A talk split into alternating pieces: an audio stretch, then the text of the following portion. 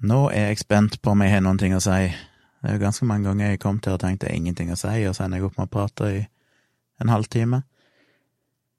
Klokka er ti over halv ett natt til onsdag 2. september. Det er kaldt ute. Det var en ganske uh, lite begivenhetsfri dag. Det var Sto opp med Kyla, uh, som jeg koser meg litt med. Å stå opp med henne, ta ut en liten tur og så lage meg kaffe eller frokost, alt etter hva jeg føler for. Sitte litt og se på YouTube.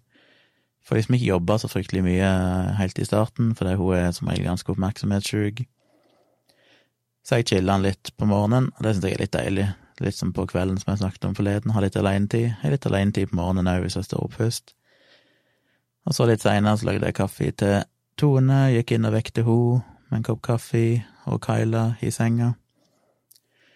Og så jobba jeg etter det. Og så um, Ja, så litt utpå ettermiddagen så fant vi ut vi skulle prøve å gå en tur som ikke er gått før. Å gå ifra Haugenstua og opp til Stovner senter. Som ikke er så fryktelig langt, men det er en veldig, veldig fin vei. Det er en av de fine tingene her oppe med Haugenstua, mellom Furuset, Grorud, Haugenstua, Stovner. Det er fryktelig mye grøntområder og veldig, veldig mye gangveier og sykkelveier. Så det er enorme ruter du kan gå som bare er liksom grønt og gangveier, og ingen trafikk og noen ting. Det er ganske deilig, spesielt når du er en hund. Så vi tusla den turen opp der, til Stovner senter, bare gikk en liten runde inn i senteret for å se hva som var der. Det var ganske nytt og fint, for så vidt. Eh, så satte vi oss utenfor på en kafé der som hadde uteservering i senteret, og kjøpte dere en kopp kaffe og ble sittende der. Ja, hvor lenge satt vi? Jeg tror fort vi satt et par timer, nesten. Og bare prata litt og drakk kaffe og chilla. Og Kyla er jo den perfekte kaféhunden, for hun er blitt helt sånn uansett hvor vi er, med en gang vi setter dere ned på en kafé eller noe sånt, så bare sovner hun i fanget. Eller på en stol på sida eller et eller annet. Hun er så rolig. Hun kan jo være verdens største terrorist ellers på kvelder sånn og blir hyperaktiv, men alltid når vi kommer på en kafé eller et eller annet sånt, så er hun bare helt sånn chill og bare legger seg ned og sover. Og det er jo helt utrolig deilig. Så vi satt der ei stund, og hun lå på fanget til Tone. Og så gikk vi tilbake igjen til Haugenstua. Um, ja. Så har vi sett litt på 90 Days, som jo gjør. Det er jo så mye. Det vil si, vi er ferdig med 90 Days. Det har begynt en ny sesong nå, faktisk. Den har vi ikke begynt på. Men vi har sett alle de, alle de fulle sesongene. Nå har vi jo begynt på en sånn spin-off som heter 90 Days Happily Ever After, der de følger de her parene etter 90 Days. Og det finnes jo andre spin-off som Before 90 Days og alt mulig rart. Så det er jo uendelig mye å se på. Eh, så det har vi sett på. Litt i kveld. Har vi gjort noe mer? Nei. Jeg nevnte vel i går at jeg skulle kanskje ha en fotoshoot på lørdag. Det håper jeg fortsatt blir noe av. Men i tillegg så la jeg ut en uh, liten sånn annonse på Jeg er som sagt med i en del sånn fotografgrupper på Facebook, som jeg nesten aldri er inne i. Men uh, det som stort sett er der, er jo folk som enten søker fotografer, eller fotografer som søker modeller. Og av og til kommer det noen poster fra forskjellige sånn profesjonelle instanser, folk som skal spille inn reklamefilm eller et eller annet sånn, og trenger modeller til et eller annet, og kommer sånn Vi trenger to kvinner som skal bruke klær i størrelse sånn og sånn, og som er mørke i huden eller lys i huden, eller sånn og sånn kroppsfasong og et eller annet. Så det er noen av de òg. Men jeg la ut en annonse og tenkte sånn shit, jeg er litt tilbake igjen, jeg har lyst til å ta litt bilder. Det er lenge siden sist, jeg har tatt en sånn modellbilder. Eh, så jeg la ut en annonse, og jeg har fått søkte faktisk eh, Jeg bare skrev en kort liten tekst om at jeg var i Oslo og søkte noen som ville stille opp på en såkalt TFP-shoot, altså Time for Print, som det står for. Som basically betyr at modellene stiller opp gratis mot å få bilder i retur, og fotografen stiller opp gratis mot at han får han eller hun får bilder som kan brukes i porteføljen. Så jeg fikk noen henvendelser, jeg har fått noen henvendelser. Ikke alle som er like interessante, men eh, det var spesielt ei som eh, virka litt sånn erfaren og hadde lyst til å prøve en del sånn kule ting med sminke og klær og sånn. Så håper jeg å få til et eller annet med henne òg. etter hvert, og kanskje de andre òg. Jeg må se litt hva, hva jeg eh, får lyst til. Men det har jeg gjort, så det brukte jeg fem minutter på i dag. Og jeg har fått noen meldinger, som sagt, så jeg får se hvordan jeg følger opp dem. Så jeg har jo tenkt å ta noen nye bilder av Tone en dag. Ta noen flere sånne boudoir-bilder. Og så har jeg jo gått med, jeg sa det i går, i dag òg var på butikken, så gikk jeg forbi en sånn svært tomt lokale som er rett der borte. Um, bare tre minutter å gå ifra leiligheten. Som er så tomt der så lenge vi har bodd der, tror jeg. Det ser nesten ut som det kunne vært et butikklokale, for det er vinduer, det er på bakkenivå, i et annet bygg der det er frisør og litt andre ting. Men liksom den ene enden av bygget er helt tom, og det er vinduer fra bakke til, til tak hele veien rundt. Eh, bortsett fra den ene veggen, da, som går inn mot resten av innmaten i bygningen. Men alt som peker ut mot veien, holdt jeg på å si, er bare vindu. Og det aner ikke hvem som eier det, aner ikke hvem som eh, er ansvarlig for det. Men jeg går hele tida og sikler og tenker jeez, tenk å hatt Tenk å leie det lokalet der. Koster jo sikkert en skittlodd med penger. Men det er liksom bare en sånn liten drøm, fantasi jeg har. Tenk å ha et sånt stort lokale som jeg kunne innrede med både hatt som kontor, studio, men òg hatt eh, Så kunne Toen òg hatt studio der, som kunne rigge opp et par forskjellige bakgrunner til YouTube-videoer. Og så kunne jeg hatt eh, en del av det kunne vært fotografstudio, så jeg kunne hatt backdrops som hang ned, og satt opp lys, og liksom faktisk kunne tatt litt mer profesjonelle fotoshoots innendørs. For det er jo det jeg mangler nå. Jeg kan ha fotoshoots, men det blir jo primært ute. Enten i naturlig lys eller med blits eller noe sånt. Men jeg har jo ikke noe studio å ta bilder i. Jeg vet ikke an å leie, og jeg kunne sikkert fått lånt òg, hvis jeg hadde snakka med de rette folkene, men Men det er mye styr. Jeg hadde vært deilig å ha noe sjøl. Så kanskje en dag Det er liksom en liten drøm, det, å ha sitt eget sånn jeg mener, jeg har jo dette kontoret mitt her, som er knøttlite, det er bare akkurat plass til et par pulter og en stol. Uh, og det er jo blitt bra. Veldig fornøyd med lyden her inne og alt dette her, som jeg har snakka i det uendelige om. Men det å ha hatt et lokale som var ti Ja, det jeg så på nå, hvor stort var det? Det må jo ha vært iallfall 20 ganger større enn dette her. Så du kan ha Både meg og Tone kunne hatt studio og kontor, og i tillegg hatt plass til fotostudio og sånn.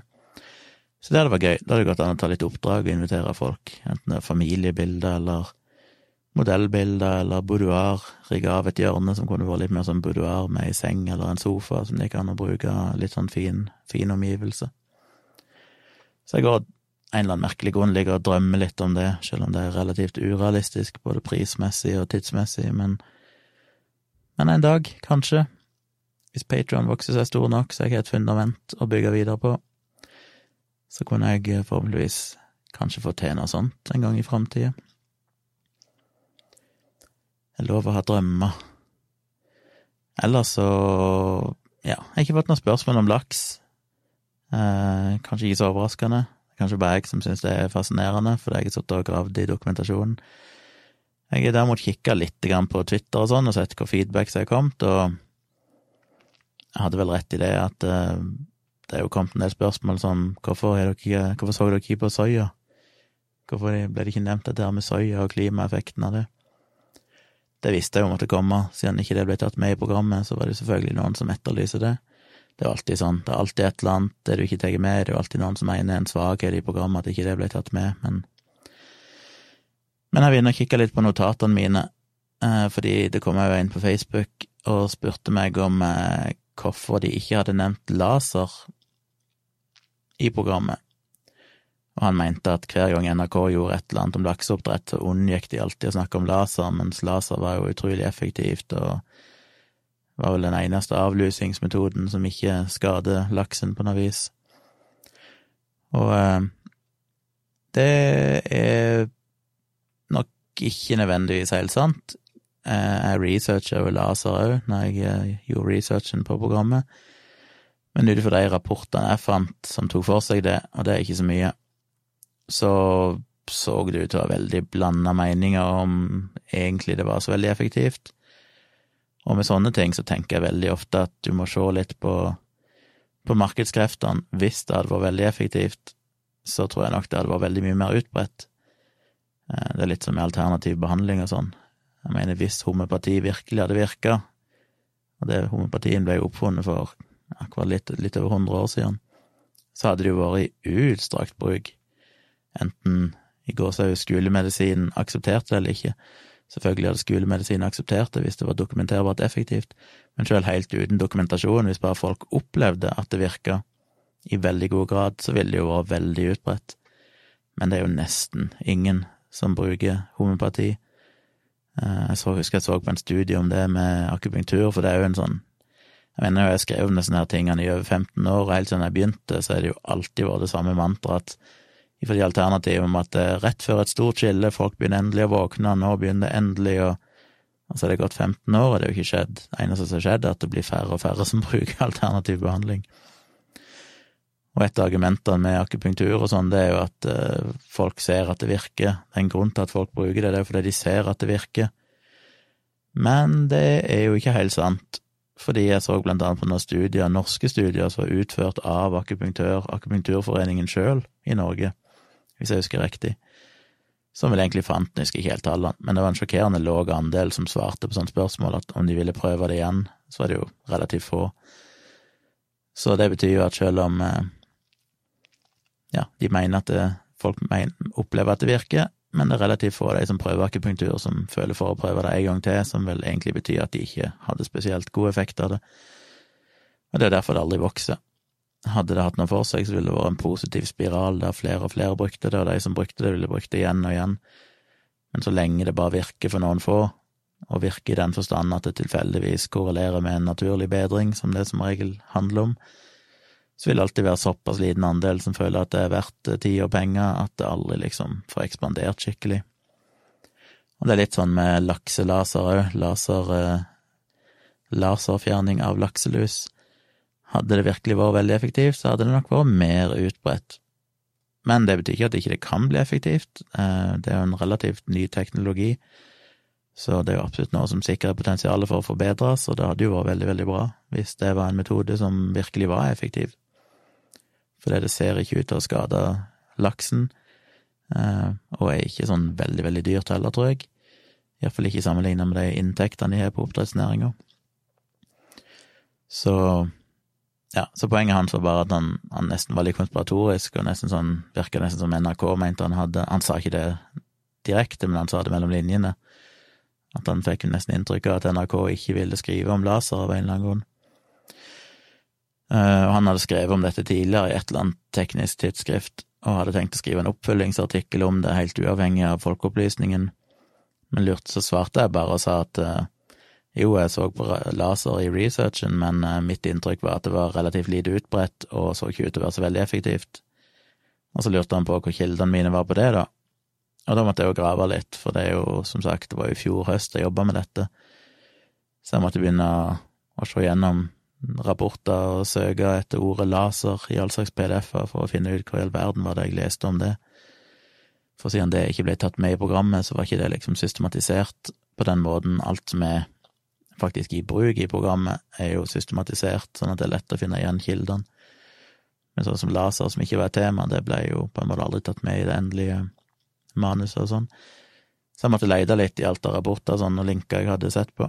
Men jeg fant det til slutt, og fant en rapport fra Nofima, som blant annet hadde sett på bruk av laser, eh, testa det ut i forskjellige oppdrettsanlegg, og, og kom en del vurderinger da rundt både hva effektivt det var, og kostnadene av det, hvordan det opplevdes for laksen, og alle sånne aspekter som er relevante. Så jeg fant nå igjen det og sendte til han, og sa at eh, det var nå den dokumentasjonen jeg hadde forholdt meg til, og konklusjonen der var jo egentlig bare at det finnes egentlig altfor lite informasjon om det, og de studiene som var gjort, så ikke ut til å være veldig overbevisende. Så det er litt sånn som, med, som dere så i programmet med rensefisk, berggylte og alt dette her som de brukte å spise lakselus, at det er relativt utbredt, eller veldig utbredt, vel, i oppdrettsnæringen. Dessverre, på et vis, for det, det jo, fører jo til at de fleste av disse rensefiskene ender opp med å dø. Men er det effektivt? Det er ikke så godt å si. Akkurat der vil jo den der markeds... Eh, kreft, markedskreftanalogi, nei, analysen min støtter det litt mer, for det er faktisk i utstrakt bruk som kan tyde på at oppdrettsnæringa sjøl ser at det synes å virke, men det mangler fortsatt gode data på det. Og det er jo litt synd at det finnes på en måte anekdotiske bevis, men det er ikke noen som har gjort noen gode nok systematiske studier som virkelig dokumenterer effekten av det. Og det var egentlig det de sa i Folkeopplysningen òg, at det var på en måte uvisst om det virker fordi vi ikke har gode nok data. Så sånn ser det ut til å være med en del i oppdrettsnæringa, da, at det, ikke, det mangler fortsatt gode studier på en del ting, så det er mye som bare skjer, for det ja, litt sånn basert på erfaringer heller enn systematiske data. Og det kan jo være fornuftig i noen sammenhenger, men hvis en tenker på medisin og helse, så har jo erfaringer en tendens til å lure oss, fordi vi har masse følelser og penger og diverse investert i de meningene vi har, og vi har masse biaser i hjernen, vi husker hukommelsesskeivhet, bekreftelsesskeivhet, alle disse mekanismene som gjør at en lett kanskje kan tenke at det virker bedre enn det det egentlig gjør. Så gudene vet, men det gjorde iallfall at jeg måtte grave litt i laksedokumentasjonen min igjen, og så litt på det. Men ingen av dere har spurt meg om laks, så det er jo det greit. Det som derimot var gledelig, som jeg glemte å si i går, var at jeg nevnte vel tidligere, og jeg nevnte det så vidt i dialogisk òg, at det var spesielt to episoder jeg jobba mye med. Det ene var oppdrettslaks. Det andre var et program som var det jeg begynte å jobbe med når jeg jobba der oppe hos Teddy TV, som var det jeg kanskje brukte mest tid på. Og det var jo et program om eh, helse, nærmere, eller mer spesifikt overbehandling og overdiagnostisering innenfor helsevesenet. Det var en interessant ferd, fordi det begynte egentlig med en idé om å ta for seg sånne operasjoner som er unødvendige. For eksempel så vet vi at de fleste operasjoner som blir gjort for uh, i menisken i kneet, sånn folk som har problemer med kneet, så opererer de vekk litt av menisken, den brysken i kneet og sånn, viser seg jo stort sett å være placebo.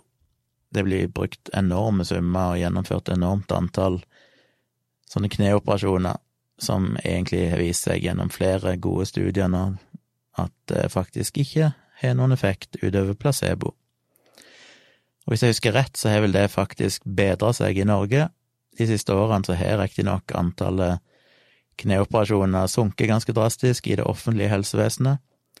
På den annen side så ser det ikke ut nødvendigvis til å ha sunket like mye i det private, og det var en av de tingene jeg syntes var interessant når jeg researcha det programmet, det var å se hvor mye problemer det var med privatisering av helsevesenet. Hvordan de økonomiske kreftene i det private helsevesenet er veldig, veldig utrivelige, eh, fører til mye piss. En av de mest irriterende tingene var jo at, som jeg ikke var klar over før jeg begynte å se på dette her, det var jo hvordan det private helsevesenet er på en måte privilegerte nok til å kunne ta de interessante oppdragene som en ryggoperasjon eller en kneoperasjon, men det er det offentlige helsevesenet som må ta seg av pasientene hvis det oppstår komplikasjoner eller bivirkninger i ettertid. Og det betyr at du har en slags mote ja, en slags moteindustri omtrent, der folk skal operere ryggen og kneet sitt og sånn fordi de har hørt at det hjelper, og de reklamerer for at det hjelper, men vitenskapen sier at det ser bare ut til å være placebo i, alle, i de fleste tilfellene. Så får du masse unødvendige operasjoner som for det første tar opp plass for folk som kanskje hadde hatt mer bruk for det, men som òg da disse pasientene betaler for hvis ikke det er dekka av forsikringa. Men så fører det til en stor belastning på det offentlige helsevesenet når det da ender opp med eventuelle problemer, som det av og til gjør. Som er en, bare én av veldig mange problemer med privatisering av helsevesenet, men det var en av de tingene jeg egentlig ikke hadde tenkt over eller var klar over. En annen ting var vel at det hadde vært en 15-dobling, hvis jeg ikke husker feil, rundt en 15-dobling av helseforsikringer bare de siste ti årene, eller noe sånt, eller kanskje mindre enn det òg. Altså, eh, helseforsikringer har økt noe så helt latterlig i dette landet, ifra at det bare var noen få som hadde det, til at nå er det veldig, veldig utbredt. Og det ser ut til å være drevet mye av bedrifter som tilbyr helseforsikring som en del av ansettelsesavtalen som igjen da driver fram at folk eh, gjennom fritt helsevalg kan velge, for eksempel hvis de får gjennom forsikringen sin dekka en eller annen operasjon som egentlig er unødvendig, så får de gjort den privat, som igjen da fører til en belastning på det offentlige helsevesenet, som jeg nettopp sa. Så det er en del sånne mekanismer med den koblingen mellom ekstremt mye helseforsikringer som vi strengt tatt ikke burde hatt i et land som virkelig fungerer. I et sosialdemokratisk land så burde det jo være helsevesen som eh, kunne ta seg av alle, og der ingen skal kunne kjøpe seg foran i køen ved å ha en dyr forsikring. Så det er jo på en måte et sykdomstegn at det er blitt så utbredt med forsikringer, og den ideen om fritt helsevalg gjør at du tror du har større, større frihet, men egentlig så vil det jo begrense andre sin frihet. Det blir de som kan betale for det, som kan betale seg fram i køen. Som sosialisten i meg ikke liker spesielt godt. Uh, men nå sporer jeg litt av. Poenget var vel det at det var det programmet skulle handle om opprinnelig, så jeg brukte jo, ja, jeg tror den første måneden eller sånn jeg jobba der, iallfall, så jobba jeg jo primært med å bare samle dokumentasjon og lese og sette meg inn i ja, Jeg leser så mye studier for å finne ut liksom hvor mye unødvendige operasjoner blir egentlig gjort, og hvordan, hvordan er det i Norge, og hvordan er det i det offentlige versus det private, og alt mulig sånn. Og så endra konseptet seg litt. Så det vi endte opp med i programmet, var jo mer dette med overdiagnostisering og unødvendig screening av befolkningen for å finne kreft og alt mulig sånn. Så det får dere se litt om. Kan ikke gå mer i detalj, kan ikke røpe det, men eh, det var litt interessant at vi gjorde så mye arbeid med et tema som jo mer vi jobba med manus og sånn og hadde møter, endte opp med å ikke bli noen ting, så det ble vel bare kutta helt til slutt. Så egentlig så endte programmet opp som noe helt annet enn det den opprinnelige ideen var. Men jeg lærte mye på veien, jeg fikk jo lest masse forskning og studier om et tema som jeg visste litt om før, for jeg har jo skrevet om de placeboeffekten, så jeg har jo skrevet om disse kneoperasjonene som viser seg å være placebo, eh, blogger om det. Så jeg visste jo litt om det, men jeg fikk jo satt meg enda dypere inn i det. Så det er interessant at uh, alle sånne her ryggoperasjoner òg, folk som skal operere spesielt uh, kettene igjen um, Når de har en uh, Jesus, hva er det heter? Uh, holdt på å si Ishas, men ikke Ishas, men uh, oh, det som alle har, holdt jeg på å si, i ryggen. Ja, altså en skiveutglidning, for å kalle det det, da. Eh, så skal veldig mange opereres for det. Men det ser òg ut til å stort sett være en unødvendig operasjon som bare er anbefalt hvis du følger strenge retningslinjer i noen veldig spesielle tilfeller, der det er en relativt umiddelbar fare for nerveskade hvis ikke du gjør noe. Men hos de aller fleste så skal du ikke gjøre det. Og ikke bare skal du ikke gjøre det, men det er jo et problem at de gjør det uten at Altså, det blir ofte gjort uten at du er helt sikker på at, hva som egentlig er problemet.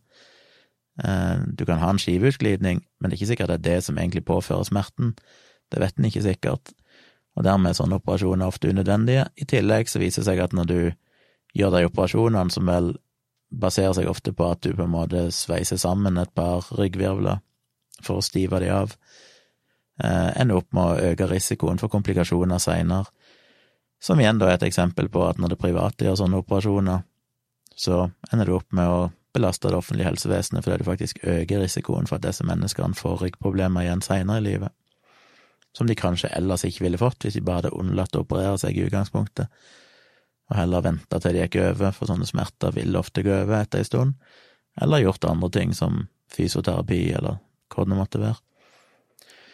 Så jeg sier ikke at alle sånne operasjoner er unødvendige, men det er ganske strenge kriterier for når du skal faktisk gjøre sånne operasjoner Eh, mye strengere enn det som ofte blir praktisert. Og det er fascinerende at det ofte er så mye placeboeffekt i sånt. Altså, kirurgi er vel det som utløser den sterkeste placeboeffekten, for det oppfatter vi som et så ekstremt inngrep at vi har en enorm forventning til at det skal virke, og dermed så opplever veldig mange at det virker. Jeg skriver jo nemlig de kneoperasjonene som viser at når du gjennomfører sånn placebo-kneoperasjon, som i praksis bare betyr at uten at pasienten vet det, så bare snitter du opp huden og venter litt, og så sier det igjen, og så har du ikke gjort noen ting med menisken, du har ikke gjort noen forskjell som skal ha noen innvirkning, så vil ofte de pasientene føle seg bedre og ha økt bevegelighet og mindre smerter i opptil to år etterpå, selv om du egentlig ikke har gjort noen ting. Men det er jo en operasjon som koster forferdelig mye for samfunnet å gjennomføre, og så er det jo en spennende debatt om ja, ja, ja, men kanskje det er verdt det, da, så lenge, det, så lenge de føler seg bedre. Men da handler det jo mer om at du må angripe problemet på andre måter, eh, som jeg jo kunne ha ranta lenge om, som er mye av problemet i kiropraktikk og sånn òg, ikke sant, at kiropraktikk for veldig mange ting ikke ser ut til å ha noen dokumentert effekt, men folk opplever at det virker, og det handler jo mest om psykologi.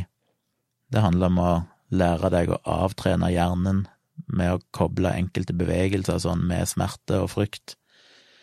Eh, og når du klarer å avtrene hjernen og få hjernen til å skjønne at det er ikke farlig å utføre den bevegelsen, eller det, ikke, det vil ikke medføre smerte, så vil du gradvis føle mindre smerte og få tilbake igjen bevegeligheten. Og det er litt det samme som placebooperasjoner. Så ja, jeg tror det blir en spennende episode, for det var definitivt den episoden. Jeg har jo lest manuset i det som jeg antar var en temmelig ferdig versjon, men det er mange måneder siden, så jeg husker ikke så mye av det. Men eh, det husker jeg jeg tenkte shit, det der programmet, det kommer til å få noen øyenbryn til å heve seg, og jeg tror nok kanskje at det er det programmet som kommer til å skape mest diskusjon, mest samfunnsdebatt, for det peker på en del sentrale og ganske viktige ting her i samfunnet og i helsevesenet som blir spennende å se. Spesielt ett tema som tar mye plass i programmet, som jeg tror mange av dere vil kanskje bli litt sjokkert av, og kanskje ja, måtte tenke litt nytt.